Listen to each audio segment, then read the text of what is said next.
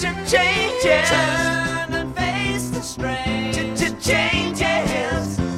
Don't wanna be a richer man. Þetta er hlaðvarpið Ekkert rusl sem er þáttur um umhverfismál frá A til Ö. Ég heiti Lena Magnúsdóttir og með mér er Margrét Stefansdóttir sá mikli snillingur. Við Margrét kynntust fyrir 30 ára síðan hjá flugfélagun Atlanta og byggum saman út um allan heim og sáum rusl út um allan heim og síðan þá höfum við verið bestu vinkunur. Hún er ekki alveg svo umhverfisvænast alltaf en er að læra og við viljum báðar læra meira.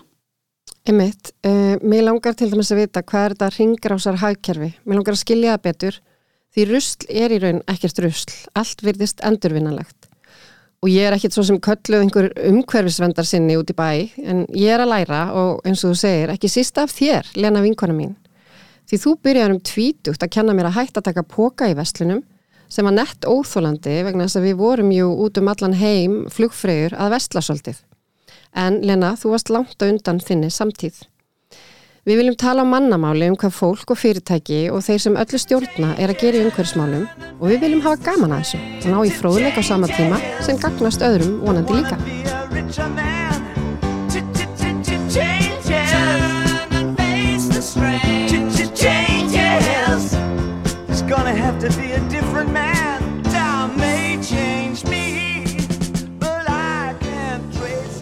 Sælir báðir, gaman að sjá okkur hér í dag og takk fyrir að koma í þáttinn. Já, takk fyrir að bjóða okkur. Heyrðu, Við erum hérna með frábæra menn með okkur í dag, Valgett. Já, heldur betur. Það er Runolfur Ólason og Jón Trösti Ólason sem er frangaðstjóri Ösku og Runolfur er náttúrulega eins og allir vita hjá FIB. Ég meina, ef þeir veit ekki allt um bíla þá uh, veit ég ekki hvað sko. Nei, og okkur langar aðeins að fjalla um það í dag. Hvernig er að ferðast um á bílum á hérna umhverfisvænan hátt. Þannig að hvað segir þið strákar í dag? Hvað er að frétta og hvað gerir þið svona til þess að vera umhverfisvæni heima við? Já, það er til dæmis þessi umskipt sem var orðið varandi orkuskipti í samgöngum sem er mjög ákvæð. Við sjáum að landin er að taka vel við sér og það er veruleg aukning í nýskráningum sko, hreitna rafbíla og svo er svona ákveði millisteg sem er þessu svo kvöldu tengil, tvinnbílar sem eru svona kannski ágætið til þess að venja fólk við að tengja. En væntalega er það einhver, einhver svona hluti af framlýslu sem mun detta út í, í náinni framtíð en uh, auk, aukningi varandi reynir afbíluna er bara með mjög svo jákvæð og við sjáum það að æ fleiri trista sér til að eiga rafbíl Ert þú komin á rámansbíl sjálfur? Annar bílinn á heimilinu rafbíl þannig þannig að það, er, það er komið halva leið Það er svolítið það sem fólk virðist vera að taka sensin á. Þú veist, það er ekki alveg til í báða af því við eigum flest, það er alltaf tveir bílar á heimáli í Íslandi. Þetta er náttúrulega svolítið crazy. Akkurat. En emmitt, fara svona aðeins svona að taka, taka ykkur skref. Já, Mm og það, við vitum það að frambóð er allt annað í dag en það væri í gær og Jón Trust þetta er það í farabróti meðal annars með öðrum, öðrum ágættum inflytendum varandi það að bjóða almenningi upp á fleiri og betri valkosti. Já, við heima hjá okkur, við, við tókum svona okkur svona grænskref og hérna, við erum komin á tvo rafbíla og bara Vá. nú ætlum við bara að treysta rafmagnið og hlöðum bæði og, og komumst allt sem við ætlum okkur að fara mér að minna, það er konar leyslistöður og hljóðum all land Já. þannig, hérna, þannig að það er bara, okkur fannst þetta bara miklu, miklu þægilega þegar, þegar upp að staði. Já, ég var um að skoða hérna Kia EF6 Í og er búin að vera að tala um sex. það aldrei Já. núna upp á síkast og þá var mér bent á sko, ég á ekki að segja EF6, þetta er EV6 EV6, Já. þannig að ég ætla bara að leiðrita þetta hér með og, og, og segja frá því en hérna, ég er, ég er, sérst, er að fara að kaupa rafmansbíl og Mhm. hérna og er ekki alveg búin að ákvæða mig hvaða bíl. Ég er svona ennþá að prófa og Mhm. fer reglulega upp í öskju og skoða. Þannig að ég svona er mjög áhersum hvernig við getum gert þetta líka ekki bara með rafmagni heldur bara svona um, hvernig við eigum að keira hvernig við hjólbara, ég var að skoða til dæmis það kirkjugarði í Kúvæt með hjólbörðum Já, þar eru til dæmis 7 miljón dekk. Þetta er náttúrulega ekki eðlilegt sko. Nei.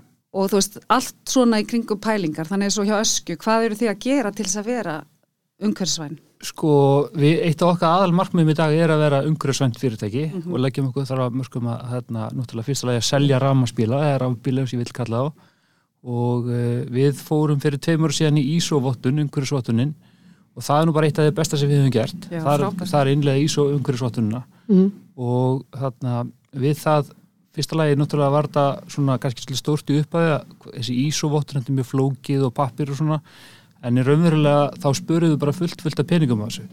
Við rákum okkur á leið, svona hluti í fyrirtekinu sem að kannski voru ekki eins og átt að vera eins og bara orkun nótkunnin við spurum núna svona fjóra-fimm miljónir ári bara í ramagni og vatni því að það var einhverjur opna villustildir og einhver ljós sem ekki virkuður rétt.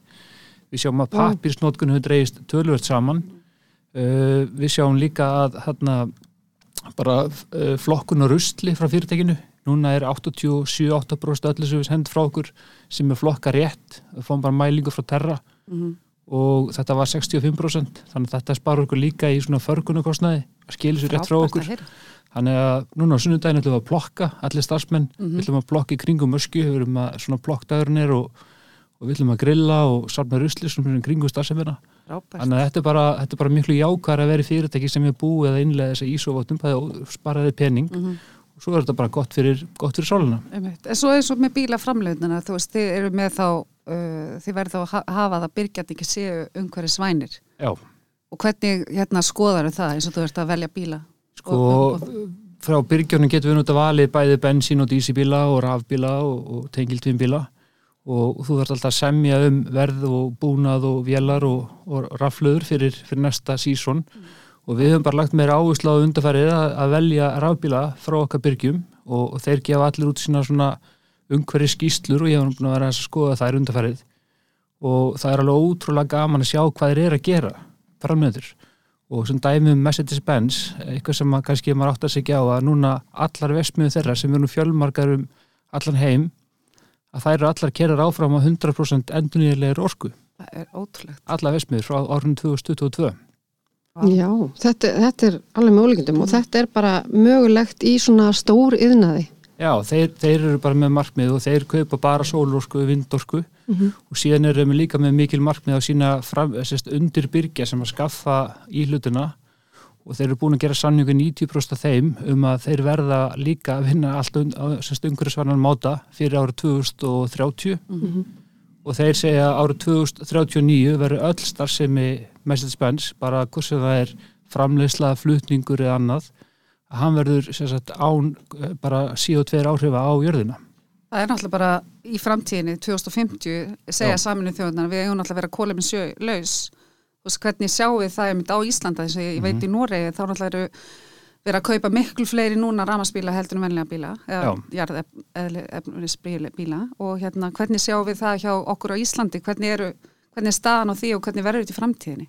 Ég held að staðan sé bara ágætt og Íslandingar eru, við erum tvö og eftir Nóri í innleggingu á sölu, sölu á rafbílum, Ok. bara á Evropu vísu í ljúdelt og það er vegna þess að stjórnvöld hérna hafa sett bara markmið um þetta og skattlagt bíla í, í þannig að það bara rafbílar njóta mikill að ívilnana, eru ekki með virðsíkarskatti upp á okkur upp að ekki vörugjöld En hvað á það að vera lengi viðbóta því ég veit að það er eitthvað svona þak 15 bílar eða 23 eitthvað eða. Jú, það er, þeir hækkuðu það ekki aðeins og eru með tilugum að hækka um fimm úrspíli viðbútt. Ok. Það finnst okkur allt og skamt gengið og auðvitað stjórnvöld að hafa lengri sín og horfa til þryggja fjóra ári í einu. Mm Mhm. Ég, ég bara skil ekki akkur að, að þú veist, þetta þurfi í rauninni að hafa þak, þú veist, uh, Nei, ég að skil þetta ekki er hagur okkar allra.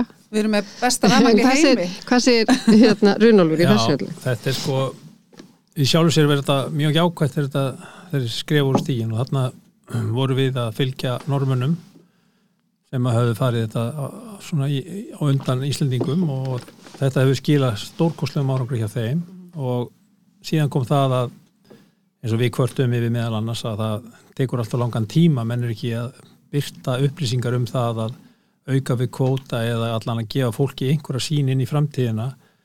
Fyrir nánast kortir í það áður en atbyrjun á að gerast. Og ég tek undir það með Jóni Trösta auðvitað ætti framsýnin að vera meira en svo að menn væri ekki að horfa aðeins lengra heldur en nefn þeirra nær. En sporin og þessi skref hafa verið mjög jákvæð. En hitt er að við erum í sjálf sem ég bjart sín á það að til lengri tíma og bara í, í náinni framtíð þá verði framleysla þessar aukutækja ekki hlutastlega dýrara heldur en hefbundina sprengir hefur spíla og þannig að þá í sjálf sem verður ekki þörf fyrir ykkur sérstaklega skatta í vilnanir að því að síðan er það að svona, það getur myndast ákveðin gjá að því að eins og staðan er í dag rafbíl er dýr eftir sem áður. Þannig að fólk sem hefur minna umleikis það hefur ekki sömu stöð og sömu möguleika til að eignast rafbíl eins og þeir sem að, sem að kannski hafa heldur meira. Þannig að það þarf að skapa hann ákveðin jöfnuð og hjálpa fólki þá sem, sem að þegar að því kemur. En hitt er eins og Jón Trösti benta á að búið við þetta, þetta einstaka hérna, umhverfi hér að vera með umhverfisvæðina orku 100% varandi rafmagn. Þannig að bensvæntalega mun huga því í framtíðin að flytja alla sína stafsefndir í Íslands. En hérna þannig að þetta er auðvitað ákveðin auðlinn sem við höfum fram yfir margar aðrar þjóðir. Það vantar ennþá því miður tölvist upp á innvið uppbygginguna þannig að fólk getur trist í að vera með þessa akstustrækni sem upp er gefin. Og svo er það líka hitt að það þarf aðeins meiri fræðslu og þá líka vil ég aðeins koma með neikvæðu punktana og sem er það að það er til einhverju staðlarvandi það hvað, hversu langt bílarnir eigi að geta ekið á hlæðslunni en það þarf líka upplýsa um það að það ræðist alveg af akstuslægi hýta, e, vindi og svo framvegis. Þannig að fólk getur orðið fyrir miklum vombriðum þegar það kaupir ykkur að dregni sem að það næri aldrei. Þannig að það, það er bara allir aðalega þurfa að vera sammála um það að koma réttum upplýsingum á framfæri Já, já. Er, er drækning gefin upp uh, miða við allra bestu aðstæður? Já, það er umvel að þannig, samt fyrir einu hálf ára síðan þá breyti, var breytt í Európu hvernig þetta er mælt og nú er sangat, mælt sangat svona raun hermum, em, raun, mæ- raun akstustregni sem var áður svona tölvudregni en sem betur fyrir þá að markarinn svona meira með eins og raunulega bendur á að átt að sjá því að, að þarna dregni við veturinn er skemmri og hvernig þú keirir og þetta eru kraftmikli bílar og, og þannig að ef þú keirir vill gefa mikið í þá er náttúrulega bara kemst minna. En, en, þarna, en dregnin er klálega að aukast rætt og, og sem dæmi þá kannski gaman að segja, frá, segja aftur frá Mercedes-Benz að bara í síðustu viku þá voru þeir að keira bíl sem að er hugmyndabíl sem kemur eftir tvö ár á og heitir hérna, Mercedes EQXX og þeir kerðu 1016 kilometra á, á einni hlæðslu frá söðu Þískalandi gegnum Sviss og niður í Ítalíu, Norri Ítalíu og enduðu á ströndum Fraklands við Rivieruna Vá hvað ég verið til í hennan bíltúrum að geggjaði bíltúr og þarna 1016 kilometra Vá. og áttu eftir ennþá 15% af batterínu Já, og það sem er skemmtilegt að þeir gera þetta ekki með því að stækka batterið því að batterið er 50% minna og 30% léttara heldur en batteri áður var í þessu, í þessu, með þessu, þessu, þessu afli. Þeir eru bara búin að bæta svona uh, þætti sem skila svona meira efficiency. Nýtingu, betri nýtingu. Maður er myndið að pæla í þessu sko að því svo er maður að lesa sig eitthvað til um og, og hérna já. E, við þurfum svona og svona mikið rafmagn e, til framtíðar til þess að standa undir þessari hérna, fjöl, fjölgun á rafbílum. Mhm. en auðvitað náttúrulega verður þróunin um leið þessi, að nýtingin betri, öll framleiðsla algjörlega og kannski til að bæta við þeir eru nú báður úr fluginu, ég var nú að stúdra þetta já, að, að þið- þegar flug vilja fara á loft að þá setja þær eitt af síðastar sem gert er þegar áður svona fer alveg að stað það er að hjólinn dragast upp og fara einhverstað inn í skrokkin Já, og þannig til þess að bæta loftmótstöðuna mikill háaði og læta og flýga um dekki niðri í alla einmitt. bíla eða sérst hjólbarðar eða sérst loftmótstöða hún notar tvo þriðji orkunni sem að kemur úr batterínu og hjólbarðarnir sjálfur 30% af því þannig, að- þannig að þetta snýst alltaf það að bæta svona loftmótstöðuna Þú ert að meina að það er, já það er minni, já ég skil gott við. Þannig að- að orkan batterið, það fer ég að kljúfa vindin að Já. mestu leiti, 70% af því fer að Akkurat. kljúfa vindin. Nú þarf ég því miður aftur að gæðin Við þurfum alltaf að hafa svona. Þessum er við hérna saman. Já. við vorum einmitt að byrta hérna, úttekt á, á hérna, gæðum sumarhjólpara sem er unni í samvinnu við okkar sýsturfélög í Norrlönd, á Norrlöndum og þar því miður er þessi umhverfisvænu dekk ekki að koma vel út varðandi svona örgistætti ímsa að því að það er eins og við vitum bara þú þarfst að hafa ákveðna mótstöðu til þess að hemla og svo framvegis. Þannig að eh, en eftir sem, áður eru þessi, þessi umhverfisvætni hjólparar þeir eru mjög jákvæðir fyrir fólk sem nýtir bílana til dæmis yngungu hérna á höfuborgarsæðin eitthvað slíkt en aðeins að hafa því huga að fólk er að huga að því að fara í ferðalög og slíkt og eða hefur en lengri við að sækja vinnu eða þjónustu þá, þá kemur þetta, eðlisfæðin er söm við sig, það er ekki að það breytinni sko. En það er sama sko eins og kannski að benda á líka að bílinn, það er verið að hanna bílana þegar að það er ekki þessi mótstæða, bara eins og við setjum þessi vinglets á vengina Nákvæmlega. hjá fluginu, að Já. þá náttúrulega er það til þess að spara 15% stelsniti. Já, en svo fyrstu rafbílarnir voru bara hefbundi bílar Já, já. sem að voru breytt í rafbíla Akkurat. og nú eru menn auðvitað miklu meira að hugsa um þetta eins og strömlinlugun og svo Einmitt. þannig að Já. það þarf að huga að öllu og svo þessi eins og Jón Trösti kom inn á bara framþróunin í, í uh, rafluðutekninni hún er gríðarlega mikil og auðvitað gerist það líka með, með þessum, þessum umbreytingum og löggjöf líka sem auðvitað eins og Evropasambandi hefur leitt línuna varandi það að draga úr útblæstri, útblæstri bifriða þá fara svo miklu peningar og sjóðir í það að þróa þessa tækni enn frekar. Já, þannig að við erum að sjá mjög stórstíga framfærir og það er alveg ótrúlega að horfa í það hvað til dæmis kostnaðar við framleiðslu á þessum einingum hefur lækkað síðustu tíu ár. Við erum auðvitað á á- það eru ákveðin ögur punktur núna vegna þess að átaka í Úkræinu og allt það og, og aðdrættir eru erfiðar eins og, eins og menn þekkja og sérstaklega í bílagerunum þá er þetta vandamál. En svona ef við horfum yfir það við, við heldum sem öll það bjart sína við sjáum fram, fram yfir það að þetta verði vonandi ykkur tíman í baksínu speklinum vonandi fyrst þá, þá er það í rauninni allt í mjög jákvæða átt. Ég held að svona eftir 2-3 ár þá fyrir við að sjá raunverulega lækkun á rafbílum en það verður ekki fram að því. Þetta er svo óbúslega mikill þróunarkostnaður við að koma bílunum á, á markaðin og þeir eru fáir ennþá með við heildina. Þannig að þetta eru svona 2-3 ár þá við fyrir að sjá raunverulega lækkun. Og það er vel það sem að fyrir aftur í pólitíkina þá stjórnvöldin þurfa að horfa lengar fram í tíman þurfa að horfa til 2025 en, en auðvitað þarf að borga vegina. Það er einhver sem þarf að borga vegina. Og þá þarf auðvitað að finna kerfi, nýtt kerfi sem hendar Mhm. þannig að þannig að einhver þarf að borga og fylla, hólu fylla vegina sem við gerum á. Það er nú ekkit all, öll gjöld sem fara greinlega í það, ég veit að raunverulega hefur eitthvað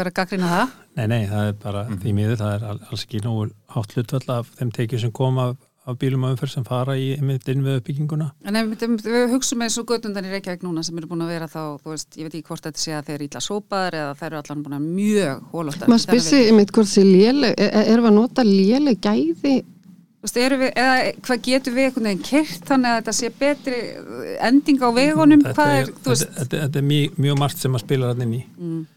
Það er til dæmis, það er því miður, þetta er bara hefðbunna, það var í hluta því sem gerðist í kjálfar hrunsins 2008 var að bæði bæjar yfirvöld og, og landstjórnin fór í gríðalegt aðhald, gríðalegt aðhald. Þannig að viðhald vegakerfisins var í lámarki Mhm.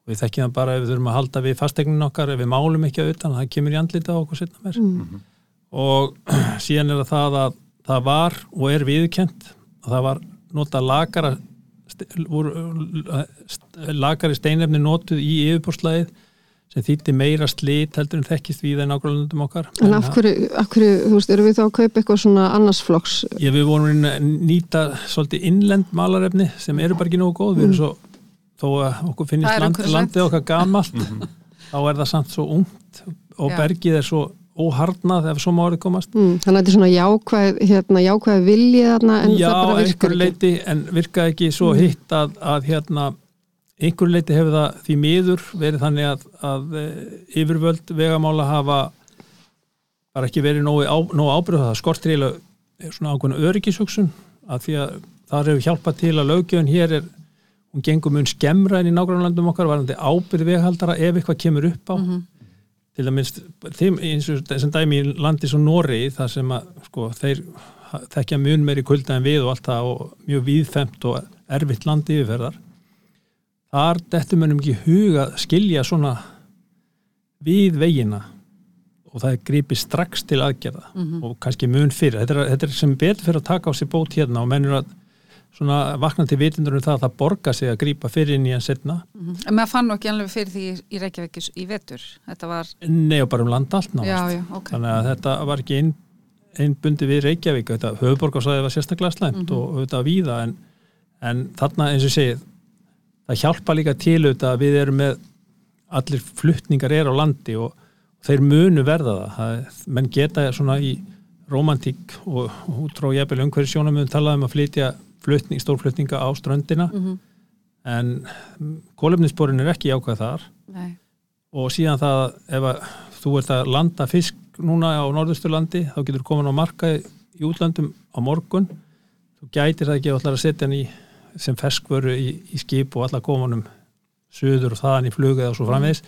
Þannig að þetta er alltaf spurningum ykkur, ykkur, við erum í búum í frekar stóru og strjálbílu landi þannig að það þarf bara að vera gott veganett og vegakerfi þannig að þetta er bara hlut af æðakerfi samfélagsins sem þarf að vera í lægi og þar hafa við yfirvöld á mörgum árum ekki sem En er skildi. ekki eitt fluttingabíl eins og þegar hann er að keira bara eins og mörg þúsund fólksbílar? Ég er svona 20.000 fórspil Já, er það ekki þannig? Já, það er náttúrulega miklu, miklu þingri Já, þannig að ég skildi aldrei þegar bing, voru sko. lagðar af. Ég bara, þetta, mér fannst þetta svo mikið ógæfi spór þegar strandsiglingarnar voru, af, voru lagðar af. En það er önnur umræð. En bara svona hvernig við getum þá, þú veist, hvernig getum við kert umhverfisvætni? Sko það er til þetta að gera, já, og svo líka bara höldum aðeins frá rafbílunum, þá getum við hvert og eitt gert stóra hluti bara með því að huga að aksturslegi Mhm.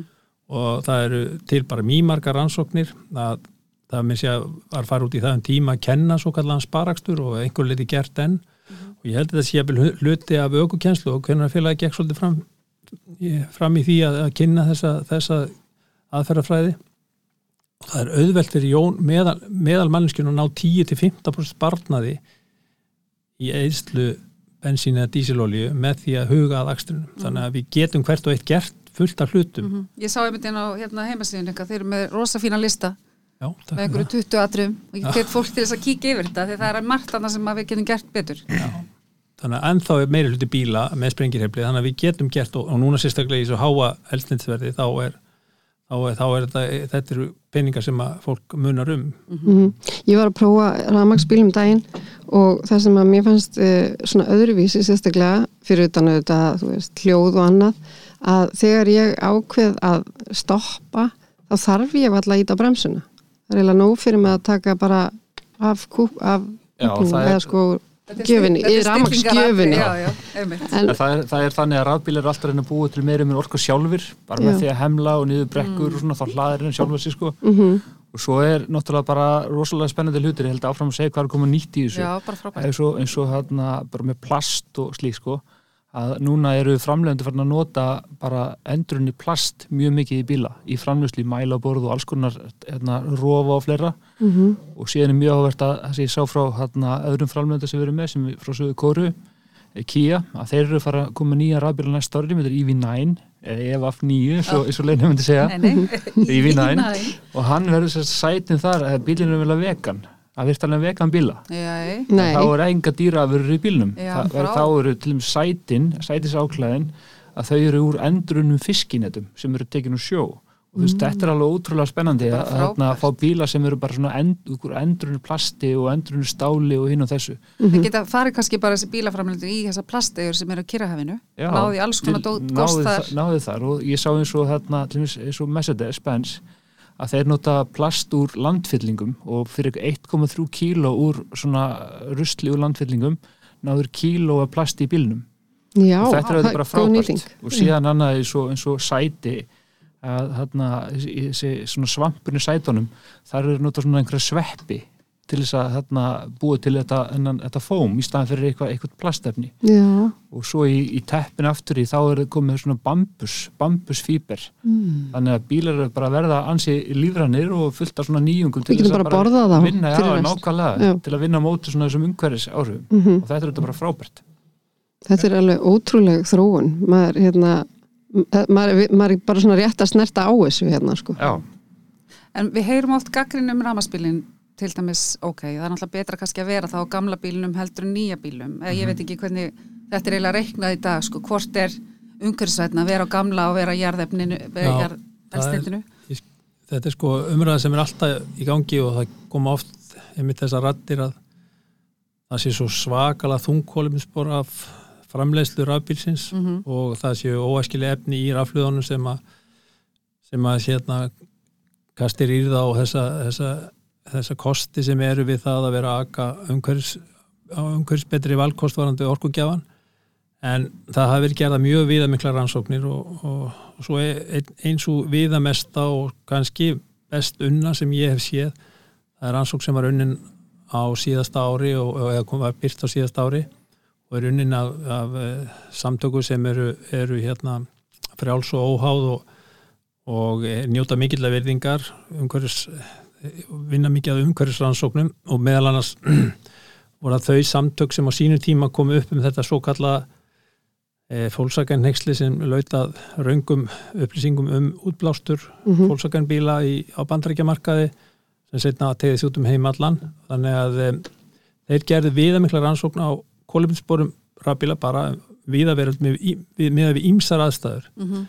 með við svo kallaða meðal evrósk, evróska ramasorku framleiðslu með við e, það að geta nýtt sér umhverfisvæðina orkugjafa, eh, til dæmis vindorku, sólarorku eða vassapsorku eins og okkur með við það að vera á mjög svörtu svæði þar sem að rafmagnu var einvörungu framleitt með, með kólum Mhm. og svo framvegis þannig að var að í öllum tilvíkum með að við líftíma aukutækis þá sko, í vestu tilvíkunum var verið að ná þessu jafnvægi á kannski kringum 120-30 kilometrum eftir það var alltaf rafbílinn jákvæður og heildar æfitími bílsins rafbílinn alltaf jákvæður líka við, á þeim svæðin þar sem rafmagnir var framleitt með þessum skítuústum hætti. Vá, þannig að sko í, í okkar landslægi þá erum við við erum að tala um kannski 1-2 ár hámark. Þannig að þetta er, það er engi spurning að þessi, þessi valkostur er miklu umhverfis mildari heldur en aðrir, aðrir framlýslu þættir varandi okkur tæki þannig að það er allan að jákvæð tíðindi inn í framtíðina. Þetta er bara frábært, þetta er mjög vel útskýrt fyrir mig. Já, við- alveg- bara, alveg virkilega, já, ég er bara já. mjög fegin að heyra þetta því að ég er náttúrulega stefnið þangað. Og er sem, ég átaki að kaupa ekkit annað nýtt á þessu ári. Já. þetta er bara að kaupa þetta. Já. gengur ímsu, en allt í lagi, þetta hefur gengið vel hingað til, en varðandi svo, ok, förum aftur í hérna rafmaspílin og raflöðina þá.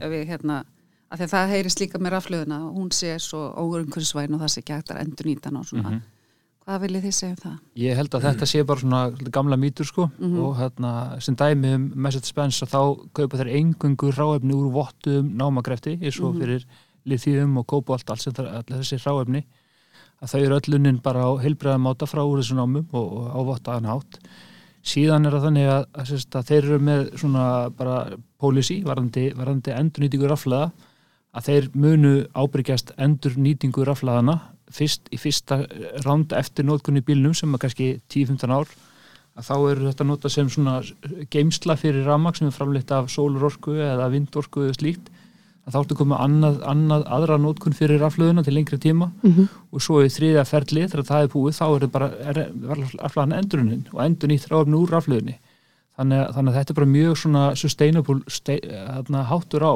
Og líftíminn greinlega langur. Líftíminu langur og, og síðan bara snýst þetta um ég sagði áðan þessa efficiency að nýta sem best orkuna. Batterið munur yfirlega minka en samt draga lengra af því að þeir ná betri árangur í bara bílanu léttari, þeir eru skljúar ofti betur og svo framvegis. Já, já. þannig, að- þannig að þetta er bara, bara mjög góður háttur á að komast áfram á umhverjusvanna móta. einhver stað heyrði ég sko að þeir ætla að fara að nýta þetta í sumabústaði, hafa þetta ég Er það ekki byrjað á Íslandi? Ég, hef- Jú, það byrjað og- byrjað á Íslandi þannig. tilrunaverkefni Já. fyrst og ykkur er bú- þegar búin að koma sér upp svona búna en, en það er líka bara þekkt og við þekkjum þetta sem dæmi að Mhm. þjóðarleikangurinn í Amsterdam að uh, þar ákveðum en að fara úr sko dísilrafstöðum sem var afstöð ef að flóðljóðsinn dittu allt inn út Mhm. Mjög leik og hérna það var sett upp svona kerfi með sólasellum og, og, og, og raflöðum og í það voru nýttar að stærstum hluta að nota Nissan Líf raflöður þannig að það sýnir að það eiga sér endur nýjum lífdaga að því að bílarnir þurfa að nota, notast við raflöður sem að hafa oft miða við að það er færki undir 80% hlæðslu, hlæðslu rýmd eftir það er mikil mikil rýmd sem, eftir sem áður sem að nýtist sem orku geimsla eins og, eins og Jón Trösti kom inn á og uh, það er mikill eftirmark, stór ma- eftirmarkaður fyrir þessar raflöður sérstaklega til þess að nýta eins og það sem að fólk býr við annars konar skilir varandi kaupa raforku heldur en við þá er kannski raforkan ódýrst á nóttinni og þá er hægt að hlaða inn á svona, svona raflöðu og svo, svo er núna konir á markaðin bílar þar sem þú getur tengt af bílnum inn á heimilisramagnið mm. og uh, ég gerir ráð fyrir að þú sést með ykkur og svolítið bíla á Það er bílinn sem að Lena er að hugsa um, hann er með þannig búnaði. EV6. Þetta kallast- Já, EV6. EV6. Þetta kallast VAF2L eða Vehicle to Load. ok, Þannig að þú getur umvilið farið í ferðalag og, og verið með hárblásar og stungið sambandi við, við bílinn og hann Já. er bara leðslubanki eða hliðu hjólísið eða hvað þú ert að vil hlaða, sko, aðra bíla. Og, þetta er briljant já, það er bara frábært. það er með allt hárkitið sitt með að ég, þyrti verulega á þessu. Akandi var afstöð og síðan, síðan sko það sem er kannski gerast líka til að auka þetta regnina er að, er að hérna, nýjustu bíla verða með, mögulega með svona sólþaki þannig að hann kannski bæti þá við 25-30 kilometrum sko Já, já. hann er bara með sólinni, sólorkunni Akkurat.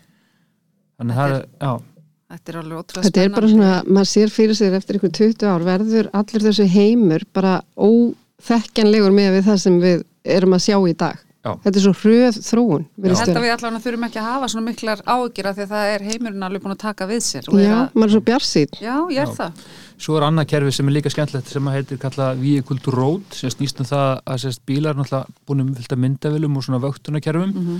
og til þess að hjálpa að er náungunum að nýta sína orku betur og þá til þess að keirir þannig bíl í gegnum höfuborg að þá tekur hann myndir allir umhverfinu samhliða, hann spottar eitthvað tóm stæði Mm. og svo kannski Lena komið eftir korter og þá herði ég að það lustaði hérna, það var búið að láta vita. Vá, og þá þarfst þú ekki að keira um allar bæin og eða orku við að leita þessu stæði því að bílinn létt vita að því. Einmitt. og ef allir bílar er komið þennan búnað þá spara það öllum fullt af tíma. Annað dæmi sem að var að byrja núna í Hollandi það er snýst um það sérst, að, að bílar lesa veginn og sjá hólur og skemmtir og það myndi hún henda vel á Íslandi. Þá væri maður samt bara alltaf hérna dú, dú, eins og sen- myndum alltaf fá svona viðvörun bílinn sendir beint sko skilabóð til, til vegarinnar sem kemur og lagar hóluna strax Nú, já, Já, lagar. þannig já. er tvílega samkvöld Þetta var ágætis kynning á vegbótin okkar sem hefur virkilega góð nákvæmlega árangur. Þannig að þá getur fólk skráð beint inn á vefsíðu sem sagt eða verður sér hólu og þá getur það skráð að kem, kemur kortið þess að það er, ef það er staðsett á nála staðnum og getur setta beint á staðin eða farið eftir á og farið inn á kortið sem kemur upp. Já, já. Þetta hefur til að mynda, eins og Það sniðugt. nefndi hérna ástandi í Reykjavík í vetur og við fengum sumadaga yfir 200 ábendingar hérna á höfuborgarsæðinu og það sem hefur gerst líka er það þar með er, ve- þetta fer beint til vegaldarans í gegnum þetta kerfi, það fer, ekki, það fer afrið til okkar en það fer beint á vegaldarana þannig að sannlega vegaldarinn búin að fá tilkynningu. Og þannig að það er þetta í löggjöfun okkar varandi að hægt að sína fram á gáleysi vegaldara þannig að innan eðlilegs tíma verður veghaldar að vera búin að bregðast við annarkost að merkja þarna sér hól og vara vegfærandur við ætla að gera við hana. Þannig að þetta hefur breytt réttarstöðu margra og margi fengið þá bætt tjón sem eru fyrir vegna þess að það var búið tilkynna. En spáðið mig hvað það er óumhverfisvænt að vera með svona vegi. Og ég veit um, hérna, ég þekki eitt vinn minn, hann lendi því að sprengja tvö dekk og, og hérna var að keira hann í hólu og sá ekki hóluna bara og blups og blups og síðan alltaf fyrir hann að vestæði og þá er ekki dekkin til. Þannig að hann þurfti að kopa fjögur dekk. Já, Þú veist ekki, ímyndu Þetta er ykkur bara dýrt kólumsporið þarna. þetta er mjög dýrt. Þannig að þetta er bara, en, en hérna saman um þetta áðan áður en að þeir herramenn komi hérna til okkar. Varðandi uh, nætur rafmagn hlæðslur nætunar. hlæðslu á næturna tala um ég meina við erum að spreða rafmagni hérna svolítið pu- puðra því út í loftið. Hvernig myndið, myndið þú til dæmis mæla með að maður hagaði sér í kringum þetta með bílinn sinn? Og það er þetta umhverfis eh, best ef maður getur haft aðstöðu til þess að hlaða nálagt heimahöfum og geta notað á kvöldin og næturna til þess að hlaða Eru komnið svona tæmera, vitið það? Á svona, Já, já, já, það, er- það er allt til sko. þannig að það getur byrjað að hlaða bara klón 2 til Já. 6 eða eitthvað. og sem dæmi sko það er eins og, eins og því bendið á að átnar ganga samt sko, þannig að það, þetta gengur bara óunni til sjáar ef við erum ekki að nýta þetta á nóttinni þannig að það er í sjálfu sér með það að meira og minna allur sko, fólksbílufloti landsmanna færi yfir í ramag þá þyrftum við ekki meiri orku heldur en við hefum nú þegar af því að það er unni ef við værum að nýta okkur nætur rafmagni og það er bara þjóðarslega mjög jákvæmt við getum ímyndað ykkur orkureikning samfélagsins fyrir utan auðvitað hvað við spörum mörg, mörg umhverfisbor þannig að þetta er, er það er bara eins og, eins og kallið sagði, það er bara vinn-vinn Þetta er bara vinn-vinn og ég skilja ekki þegar við erum að tala um fjallum þetta, við erum alltaf að segja að já, þá þurfum við að virka meira. Það er alltaf þessi umræð sem byrja sko. það, það er svo marga lausnir sem er að koma. Hugsaður að út með rafbíl kemur heim til klukkan 5 og hátt kannski eftir 300 km regni eða 200 km regni þá getur þú stilt kannski þannig bíliðin að hann, hann fæðir heimilitt af rafmagni millir klukkan 6 og 8 kvöldin þú ert að elda, þá tekur þú bara rafmagni af já. og síðan, síðan þegar þú er búin að slökka öllu fann að sofa 11 að þá byrjar hann að hlaða Og er svo full hlaðin á mótni. Hugsið ykkur. Þannig að þannig ertu bara að jafna nótkun rafmaksins miklu betur og, og þetta er auðvitað sem það er já. bara að spara okkur viltu pening. Og við erum sem dæmi hérna nálægt blokkum hérna neyru við skúlagötu svörtu er næst, næst sjónum. Þar var útbúið í eh, stórum bílageimslum kerfi sem að e, það er raf- rafhleðsla í öllum bílastæðum. Og þá er bara samnýtingar kerfi búið til sem að vinnur þannig að ef að bílarnir segjum bara kemur margir og tengdi þá, þá bara vegur og metur kerfi hvar, hversu mikil or- orku þörf er í húsinu. Þannig að eh, eins og, eins og Jón Turisti bent á að þá kannski um, um kvöldmataleiti þá er nánast ekkit sem fyrir inn á bílana. Mhm. og síðan byrjar bara kerfið að jafna hver þarf mesta orku og allan að allir fá eitthvað og svo fer allt á fullt yfir nóttina. Þetta er ekkert smá spennandi. já, en hvernig með eins og að hlaða er ekki holdt fyrir tækið að tæma sig alveg. Það er bara ekkert sem við þurfum að vera að pæli við höfum bara að hlaða og ná sko- hlæðslu Við mælum með því að fólk sé stilli þess að hann hlaði sig upp í 80% svona öllu jöfnu, batterið, Já, já. ekki 100% mm. hann er miklu lengur að hlaði sig 80 upp í 100 og það bara kannski fer illa með langtíma hilsu batterisins að að fullaða þetta hefði ég til dæmis Nei. aldrei vitað þannig að Nei, nei. þetta er eitthvað sem við stillum fyrir afhendu bílana En og, þetta verður auðvitað einhvern tíma lagað þannig að þetta verður ekki Já, já, það, það er bara engin þörfu að fulla það, það er kannski bara þá ertu bara að sóa orku því að flesta daga notar ekki nema bara brot og brot af Mhm. því sem er til staðar Mhm. og síðan, já, eins og í okkur við hlöðum bílinn þegar hann er frá konir í 15 og svo upp í 80 og þetta er kannski eins og í viku þarna Mhm. Svo er þetta að stilla allt í dag eins og þú segir, þú bara hliður upp í 80 þá bara hættir að hlaða Já, og það þarf ekki að hlaupa út bara klukkan 10 í morgunin bara nei nú, Nei, nei. það er náttúrulega 80% sko. Mólega ferð þú seint út á mótana tíu? Svona, svona. Og svo er náttúrulega alveg frábæri fítur Um bara þetta að þú getur sko stilt bílinn á, á hérna, verður hann heitur eins og eh, klukkan 10 á mótna eða. 9 eða hvernig svo verður Mhm. ræktina eða Það er vinnuna aldrei að og- skafa. Nei, og svo líka þú ert að hætti vinnunni fjögur, fimm eða sex, þá er bara heitu þá líka. Það er búin að heita sér í korter þetta er svo indislegt að þú að bílinn hérna ding, ding, ding, að ganga á bensinni bara En ég, held samt sko, erum við ekki alveg að tala um 80% eða þú ert að fara hraðlega Jú, jú, jú. heima hjá þér ert að fullaðan ef ef þú ert að hlaðan yfir nótt sko. Þannig að þá hefur einmitt. Hver, hver, hérna, Hvaða bíl eh, er svona fyrst í ramarsbílinn? Erðu, ég held að sko einn af uh, náttúrulega þá komu rafbílar á markað bara fyrir 100 áru síðan. Nú, það voru fyrstu rafbílanir það er Ford. Ná, ég veit að, ég veit að eitt framlæði sínum þá hann var þarna á, á ferðinni sko en, en þá? Já, en til Íslands komu, ég man eftir bíl þegar þarna, við fluttum til landsins, þá vann ég hjá öðru, öðru fyrirtæki og við fluttum inn hérna þrjá bíla, ætlum að vera svona frumkvælir rafbílunum og þeir eru allir um stýrinu öfum megin, voru sett, smíðaði fyrir Japansmarkað og þarna þá kostuðu þessi smábíla, algjöru smábíla, kostuðu 8-9 miljónur stykkið. Þarna var ekki niðurfylling á vaski og engi stuðningur frá stjórnvöldum og svona, já, þannig að þetta var svona pröfudæmi, þetta var svona fyrir 15 ára síðan. já, Já, þetta að má eiginlega segja að verði svona ákveðin strömmkvör varandi almenningsnotkun á rafbílum. Nissan var ákveðin frumkvöld með Já. lífbílin sem að kom svona almenna marka þar sem Jón og Guðmundur fóru að geta kipt þessa bíla. Mhm. og svo he- síðan þá hafa allir framleiðendur tekið st- sko, stórstígum framförum í þessum og sumir veðjuði ekki uppalega á þetta en við sjáum, heyrum núna í auglýsingum að mjög stór japansku framleiðandi er núna að kynna nýjustu rafbíluna sína dæmis. Ég held að við munum sjá bara veldisvöxt á, á fjölda típa í bóði á næstu þreymur árum.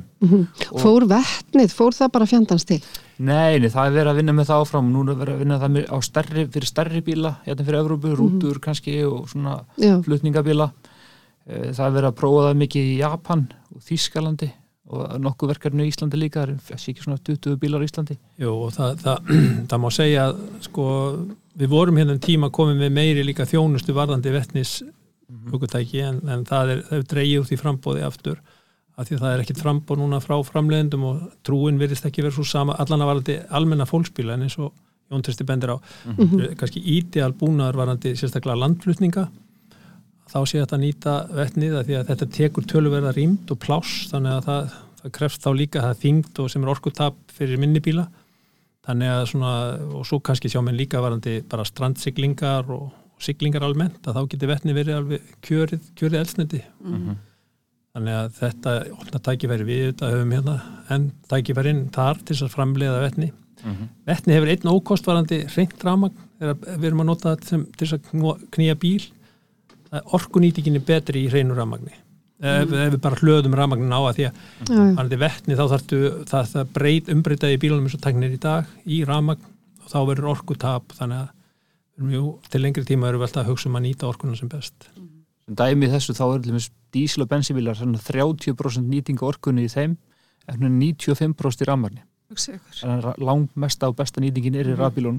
og það er náttúrulega umhverfisvænast að allan fyrir okkur Íslinga að vera með ramagnið Já, Já. já. Sjáu þið fyrir ykkur að Ísland geti verið land í algjörnum farabróti í þessu Já, klárlega höfum við, við all, alla börið til þess og við erum á vissan hátt í farabróti.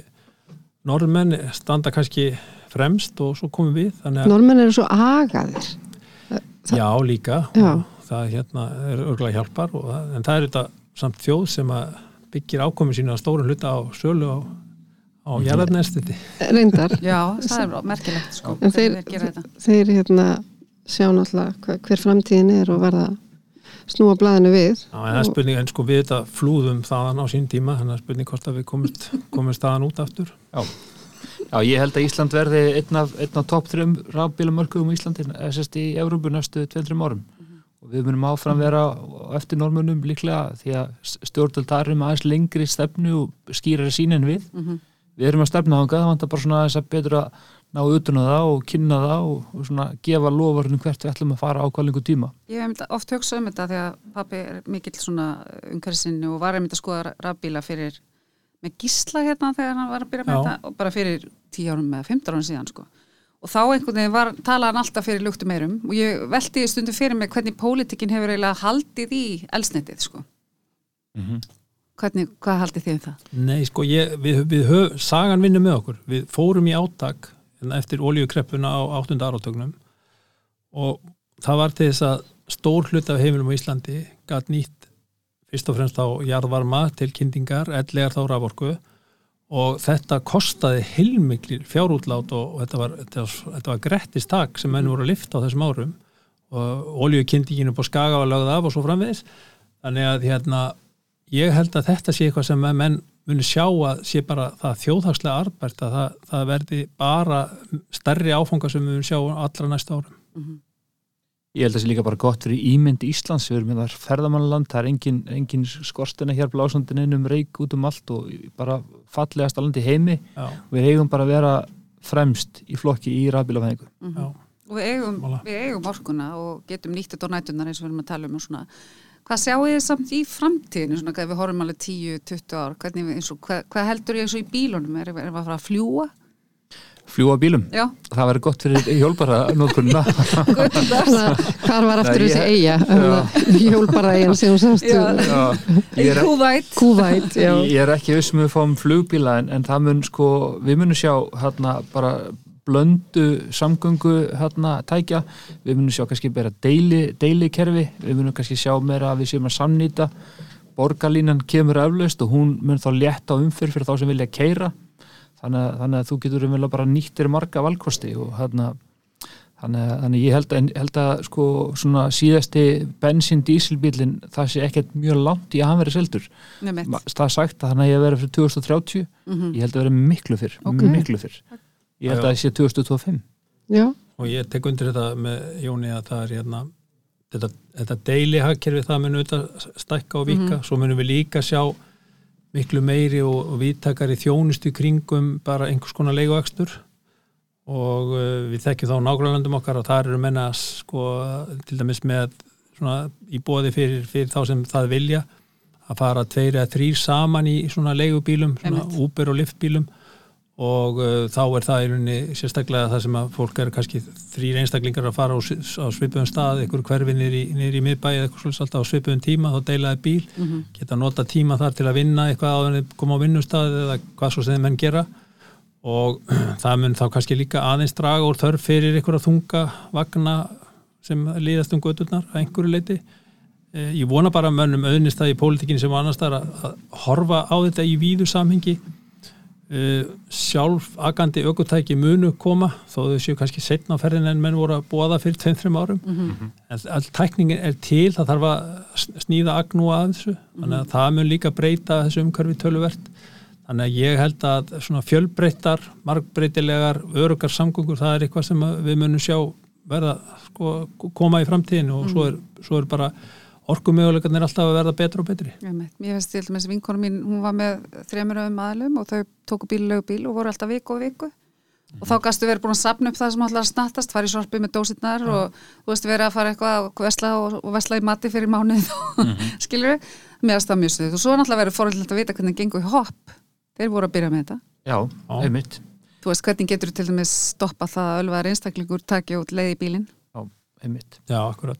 og, svona- já, já. þetta er svona bara ábyrða hlutverk hversu eins líklega, eins og í svo mörgu sko.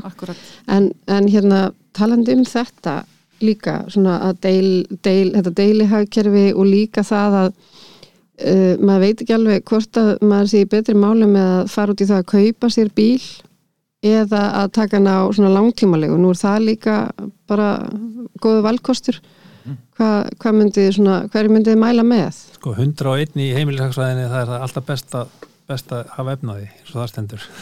Já, og það er dýrt að lána á Íslandi þó að það orðið ódýrur um tíma en þá er það samt dýrt en auðvitað þetta getur alveg verið ákveðin valkostur fyrir, fyrir fólk á vissum tímum sko og, uh, og Kannski einhver aldurspili í lífinu eða Já, til dæmis og, og svo auðvitað hefur þetta líka áhrifarandi viðhald og rekstur og svo framvegs en, en, en allt um það þá, þá þetta grætur geimtir eirir, það stendur alltaf upp úr því miður já, já.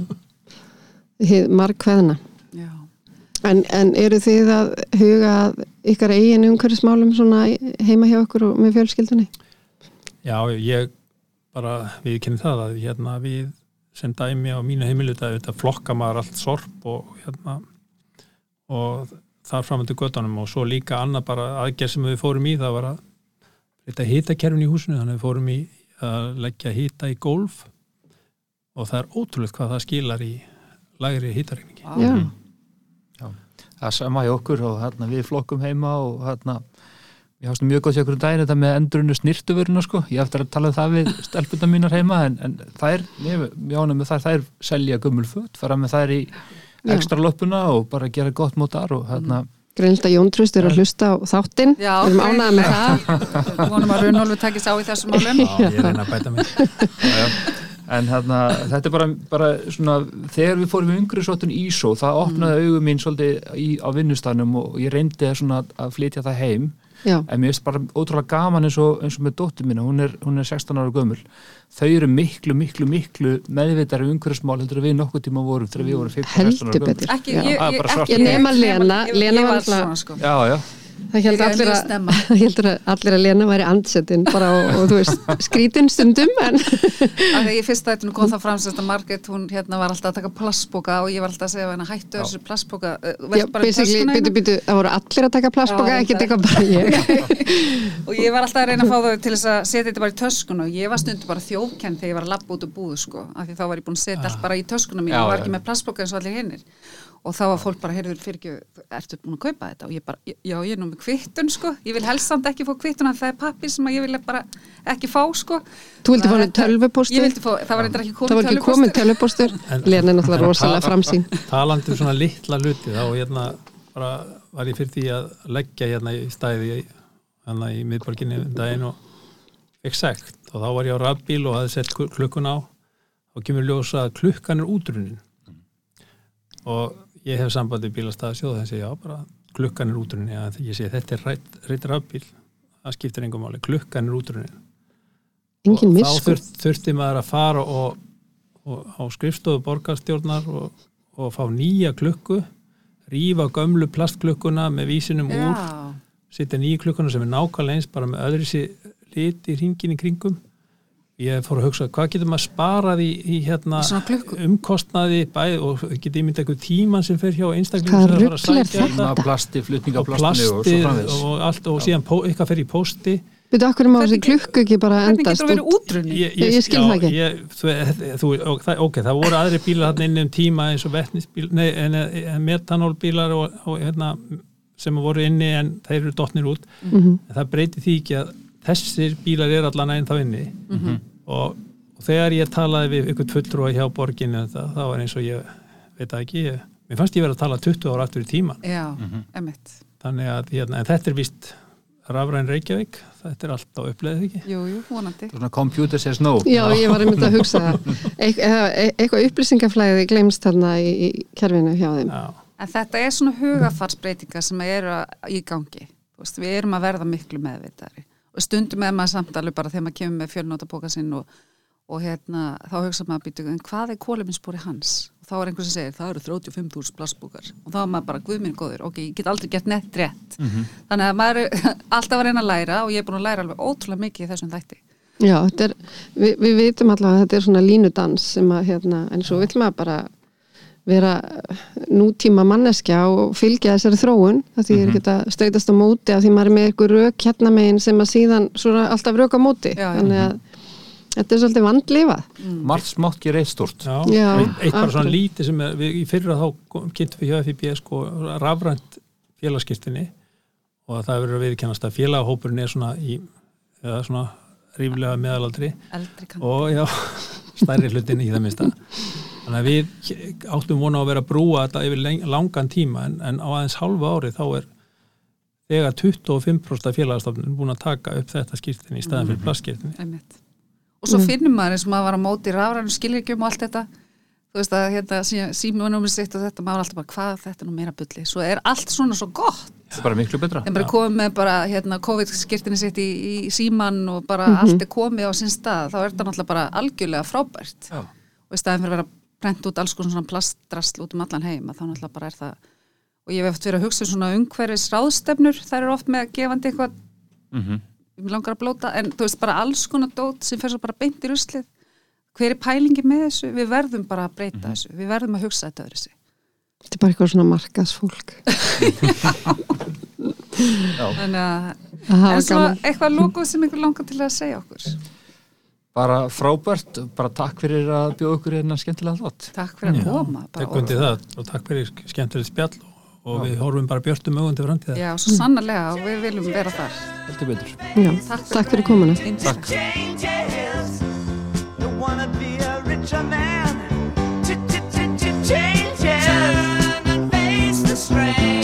Changes. It's gonna have to be a different man. Jæja, Margrét. Já, til þess að gera svona frábært frábært podcast þá þurfum við að hafa hérna eh, eitthvað, eitthvað sponsora á bakvið og, og það góða því að við erum náttúrulega svo umhverfisvænar á okkar sponsorar verða náttúrulega að vera svona aligned Já. eins og sagt er í, þú veist, hérna svona stefnu uh, mótunum hjá fyrirtækjum, við verðum að vera aligned og við erum það og, og þetta er hérna til að mynda er það Askja og Askja. Askja er með bílinn fyrir þig, Lena Já, því þú, það er gaman þú að segja frá því. vegferð. þú, ert ekki alveg, þú varst ekki alveg nefnilega búin að finna réttu stærðina og rétta bílinn, ég var búin að bladra út um allt og væri komin á hann rauða Kia. Eva 6, EV6 Já, en, en hvað, segðu okkur aðeins. Heyrðu, það gerist nú bara í framhaldinu að ég hérna eh, verð pínu skotin í Mercedes-Benz og því sem þeir eru að gera í umhverfsmálum og ég veit að þú veist, maður veit ekki alla sögurnar með þetta alls saman en það, ég pröfukerði hérna EQA 250 og E EQA 250 ég ætli þess ekki sagt þannig. Og það er Mercedes-Benz. Og ég ætla bara að kaupa mér svolítið bíl næsta mánu Við, ég, ég fekk að fara í bíltúr með þér enn daginn og mjög ástu við vera geggja að pæja sko lík það. eiginlega sem er nummer eitt í þessu. Nei, hann er þú hann ert er alltaf búin að vera 100% á okkur svona fjölskyldubílum.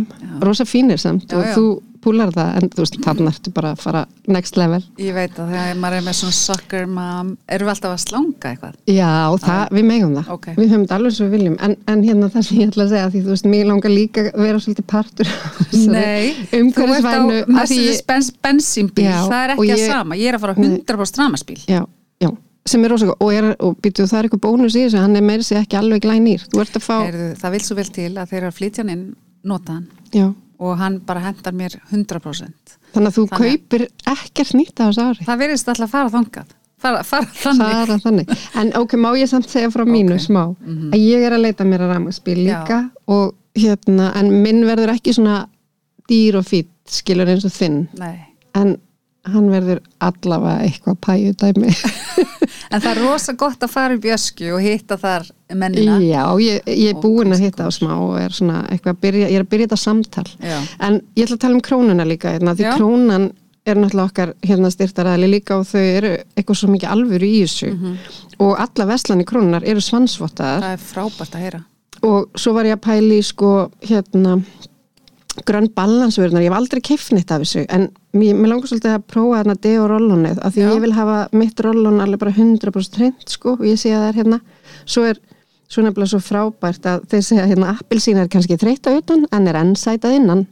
Og dótti mín hljóp út í krónu um daginn því að þá sá hún okkur um samfélags, samfélagsmiðli að þar var eitthvað gott fyrirtæki svona bara lítið fyrirtæki að flytja inn, eh, hérna, appelsínur, alveg bara beint frá Bondi. ég man ekki, já, já, Já, já, beint frá bíla erlendis og hún náði síðustu þremur í svona ripnum hérna, póka, veist, það hefði örglega einhver bara náð sér í eina útur og, og þær voru sko geggjaðar. Já, frábært. Þannig að þarf að hérna, fylgjast bara líka með þeim á samfélagsmiðlum. Já, að því að sé- þeir eru líka að gera svo frábæra hluti með matasón og ég sé ofta að það hefur verið annarkost að gefa fullt af mat, alls konar mat og það hefur verið að, að hérna, setja 50% afslátt að því þau náttúrulega leggja sér fram um að henda engu. Einmitt. Og allt plast sem fellur til í starfsemi krónar er endurinn á Íslandi í samstarfi Pure North og Mhm. Plastplan. Akkurat. Síðan er það okkar góði hyrðir og nú er ég til dæmis að, leita mér að hérna eldurstólum en ég sko En varstu Hef- búin að kaupa plötuspilaran? Nei, ég er nefnilega ekki búin að finna plötuspila, nú er ég aftur að googla og sjá Og hvort það sé, ég vísu fór hérna og var eitthvað svona að googla einhverju plötuspila til sölu en þú veist, ég verði bara að kaupa mér nýjan sko, ég, Ég, fór í það. bóðum daginn og kefti blóm í blómbúð og fór svo í góða hyrðin og kefti vasa. Já, skemmt, og það var rosa flott. en gaman. Og hvernig, gla, svona glær fallur bara blómavasi. þarftu ekki að setja mynd af honum inn á hérna? Jú, það held ég nú, það held ég nú. ég er aðeins að að skoða þetta Heyrðu, en er þetta ekki bara, þetta er, sko, við erum bara með þessa flottu stuðnisæðila sem eru að hjálpa okkur við að gera þetta frábæra podcast og við erum bara þakkláttar. Já, og það má ekki gleyma því að MBL er nú ekki síður stuðningsaðlega okkar og hún Marta í Smartlandi Já. því að hún, hún er alltaf tilbúin að gera einhverja skemmtilega svona fréttum Já. okkur þegar við gefum út nýtt podcast. Akkurat. Þakkum henni mikið vel fyrir. Já, mjög svo. Þannig að bara takk fyrir okkur.